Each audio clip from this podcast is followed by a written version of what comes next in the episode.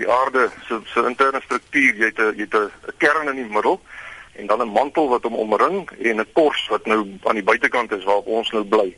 Maar as uh, 'n mens moet miskien dit vergelyk met 'n appel. As jy 'n appel gaan middeldeur sny, dan kry jy omtrent die relatiewe skaal van die die drie uh dele van die aarde. Die die kors is eintlik maar so dik soos die skil van 'n appel. Nou binne in die mantel waarop die, die kors nou lê, uh, die mantel is nie 'n soliede stuk gesteente nie. Daar is strome in die mantel. Die mantel is 'n dikkerige tipe magma wat stadig beweeg en die kors wat dan bo op die mantel lê word saamgesleep. Nou in die geval van Indië uh is daar 'n stroom onder Indië wat hom noordwaarts sleep, maar hy word dan natuurlik vasgedruk noordwaarts. Noord van Indië lê die Asiëse uh, plaat en die Indiese plaat word dan vasgedruk teen die Asiëse plaat. Uh die beweging is baie stadig. Mense praat baie keer van 'n botsing en dan dink hulle aan iets soos 'n motorbotsing. Dit is nie, dit is 'n stadige beweging. Uh die beweging in daai deel van die wêreld is omtrent 5 cm per jaar. Maar dit is 'n aanhoudende met doonlose saamsleep van hierdie uh, hierdie hierdie twee plate en hulle druk dan teen mekaar vas.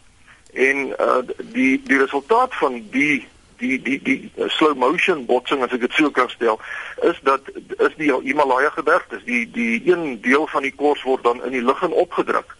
Uh, hy word opgevrommel. En dis 'n bekende feit dat Mount Everest byvoorbeeld uh, al hoe hoër word. Hy word hmm. steeds hoër in die lug ingedruk. En wat nou gebeur is hierdie druk bou op oor oor dekades heen. Die vorige aardbewing in daai deel van die wêreld was 80 jaar, 83 jaar gelede. En onmiddellik nadat die druk verlig is, die spanning verlig is, dan begin die druk alweer opbou. En uh, dit het omtrent 80 jaar gevat en dan word die druk eenvoudig onhoudbaar. En die twee plate waar hulle te mekaar vasdruk, uh, die spanning word so groot dat hy eenvoudig uh, meegee. Die gesteentes breek of dit glip by mekaar verby en dit is wat ons dan ervaar as 'n as 'n aardbewing en dis presies wat nou in hierdie geval gebeur het. Nou ek verstaan die aardbewing het baie vlak onder die aarde se oppervlak voorgekom. Is dit een van die redes hoekom dit verwoestend was, so besonder verwoestend was? Ja, ja, kyk die die uh die die plek waar die aardbewing, die plek waar die glip nou gebeur, die aanvanklike glip, dit staan bekend as die episentrum. En in die geval is dit 'n vlak aardbewing en hoe, hoe nader jy aan daai punt is natuurlik hoe hoe hoe, hoe heftiger is die beweging van die kors.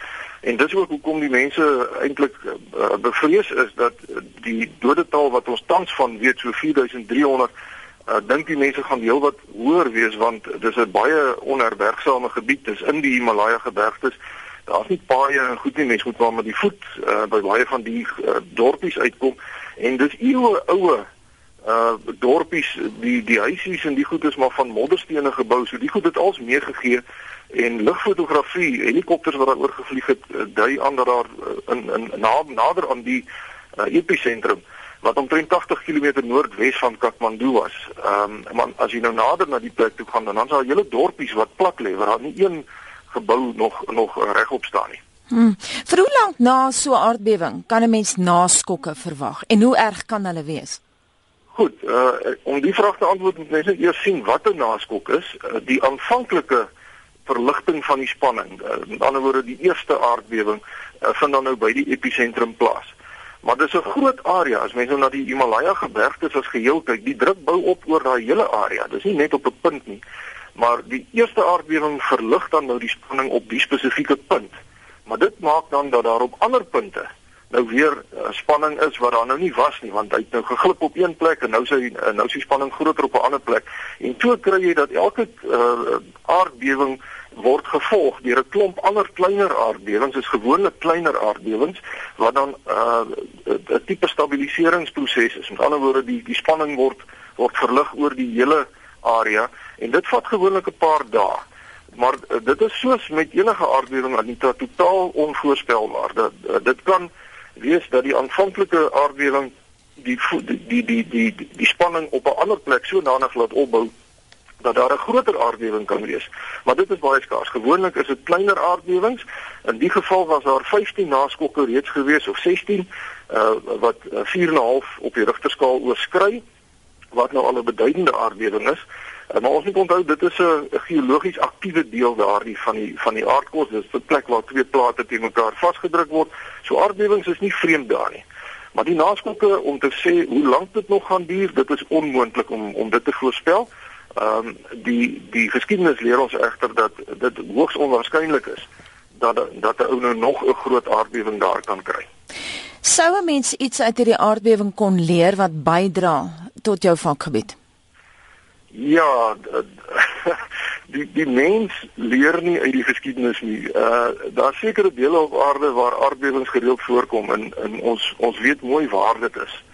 Uh en dan gebeur daar 'n aardbewing, uh, die die ons kan maar dieselfde sê van Christchurch in Nieu-Seeland en dan bou die mense maar net weer en hulle bly weer rustig voort en oor oor nog of 80 jaar of so gaan daar weer 'n aardbewing waarskynlik in, in in Nepal wees en uh as die mense nie leer om hulle strukture sodanig te bou dat dit aardbewing bestand is nie, dan gaan daar maar net weer die geskiedenis herhaal. So daar seker dele op aarde wat eintlik nie geskik is vir menslike bewoning nie.